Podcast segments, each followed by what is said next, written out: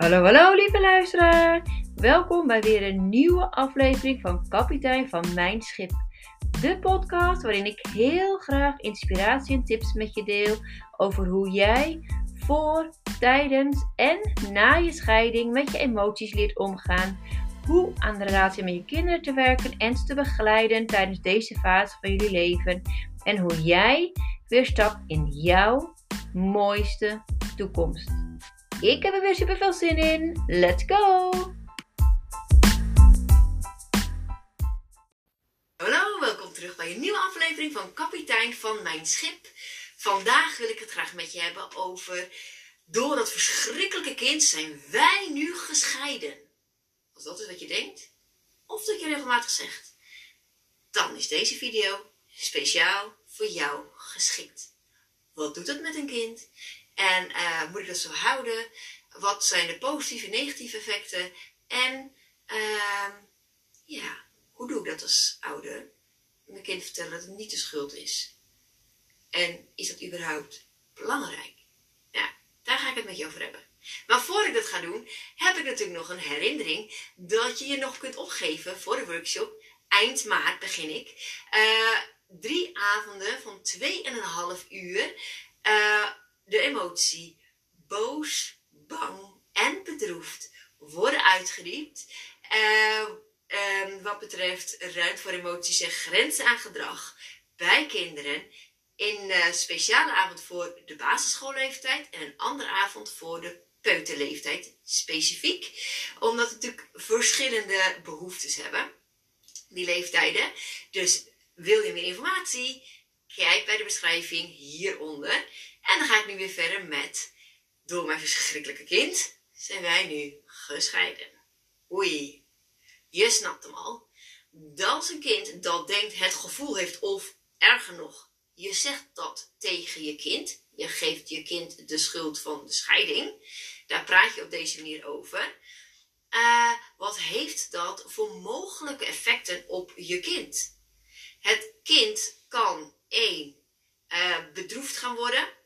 Uh, het kan depressief gaan worden. en het kan heel eenzaam gaan voelen. dat is, neem ik aan, niet wat jij je kind gunt.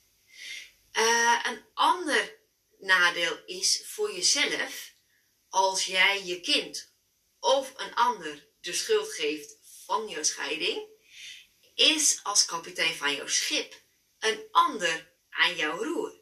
En dan laat je het dus ook aan een ander over welke richting jij opvaart. Terwijl als jij als kapitein van jouw schip kijkt naar je eigen situatie en uh, daarin gewoon kunt zien van ik sta nu hier in deze situatie. Ik heb een kind wat op dit moment, het is een momentopname, wat lastig is. Oké, uh, wat kan ik doen om dat te verbeteren? Kan ik een workshop gaan volgen? Kan ik een boek lezen? Kan ik eens praten met andere ouders? Hoe ze dat oplossen? Kan ik misschien eens een magazine over opvoeden gaan bestellen? Wat kan ik doen in deze situatie?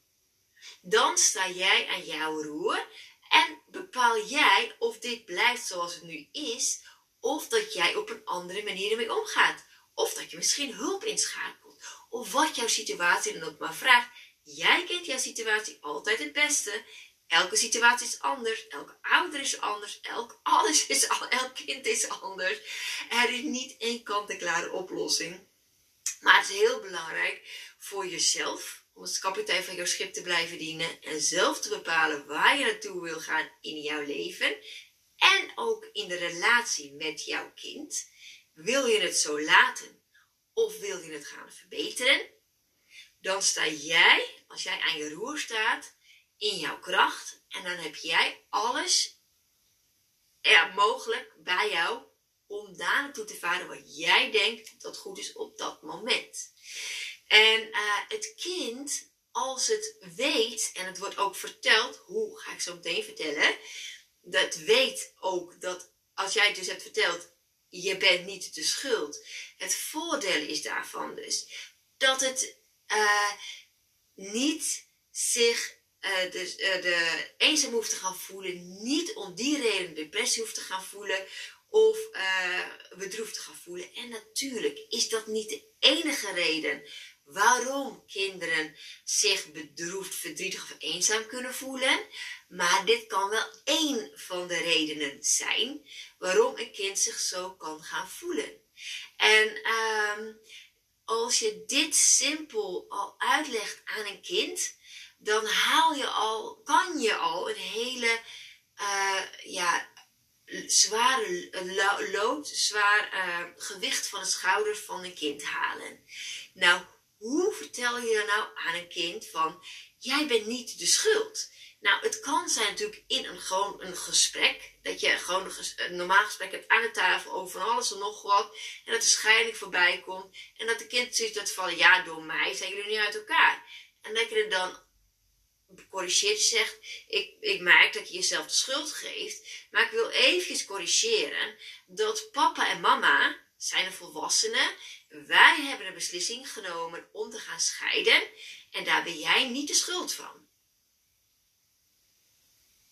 Dat kan zo zijn. Het kan ook zijn als het niet aan de tafel wordt besproken en je vindt het wat lastiger om het te vertellen, dat je het uh, in een verhaalvorm vertelt. Dus van nou, ik heb iets gehoord, of uh, op YouTube heb ik een filmpje gezien, of ik heb uh, een podcast geluisterd, of ik heb een boek gelezen, of ik heb gehoord van iemand dat kinderen soms het gevoel hebben dat ze de schuld zijn van een scheiding. Nou, weet niet of dat bij jou is, maar ik wil je in ieder geval vertellen dat papa en mama zijn degene die hebben besloten om te gaan scheiden. En dat is geen enkel geval jouw schuld.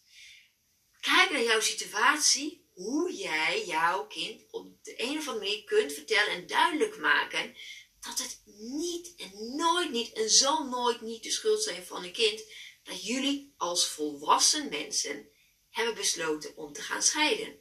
Hoe is het dan als jij als ouder bent verlaten? als de vader of moeder van de kinderen opeens is vertrokken. Dat kan ook. Er zijn zo verschillende mogelijkheden natuurlijk. Dan nog altijd is het iets wat in de relatie tussen jou en de vader of moeder is vertrokken, heeft plaatsgevonden. En uh, die relatie was blijkbaar iets aan de hand. Wat het is, dat weet je hoop ik zelf het beste. Daar ga ik van uit.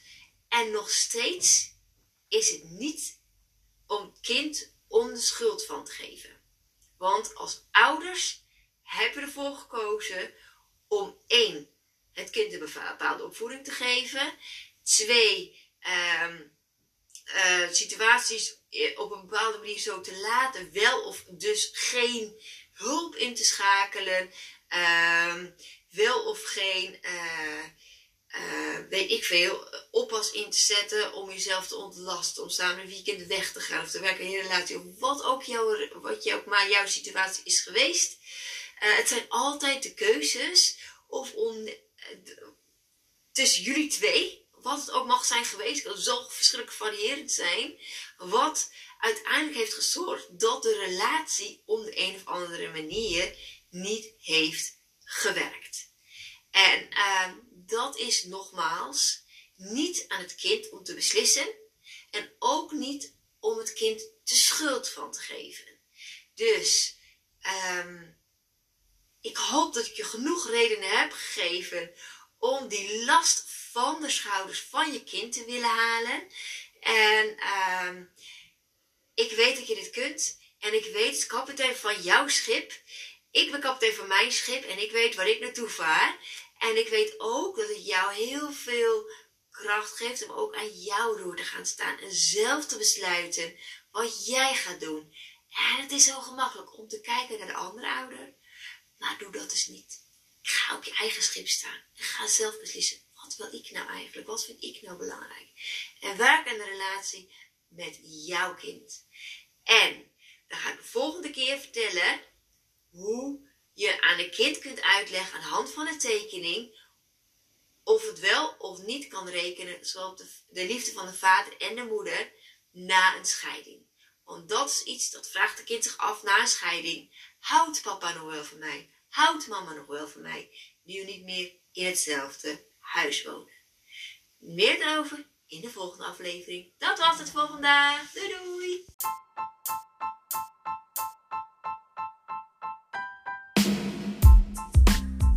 Dankjewel voor het luisteren. Ik hoop dat ik je heb kunnen inspireren en laat mij vooral weten wat het voor je heeft betekend.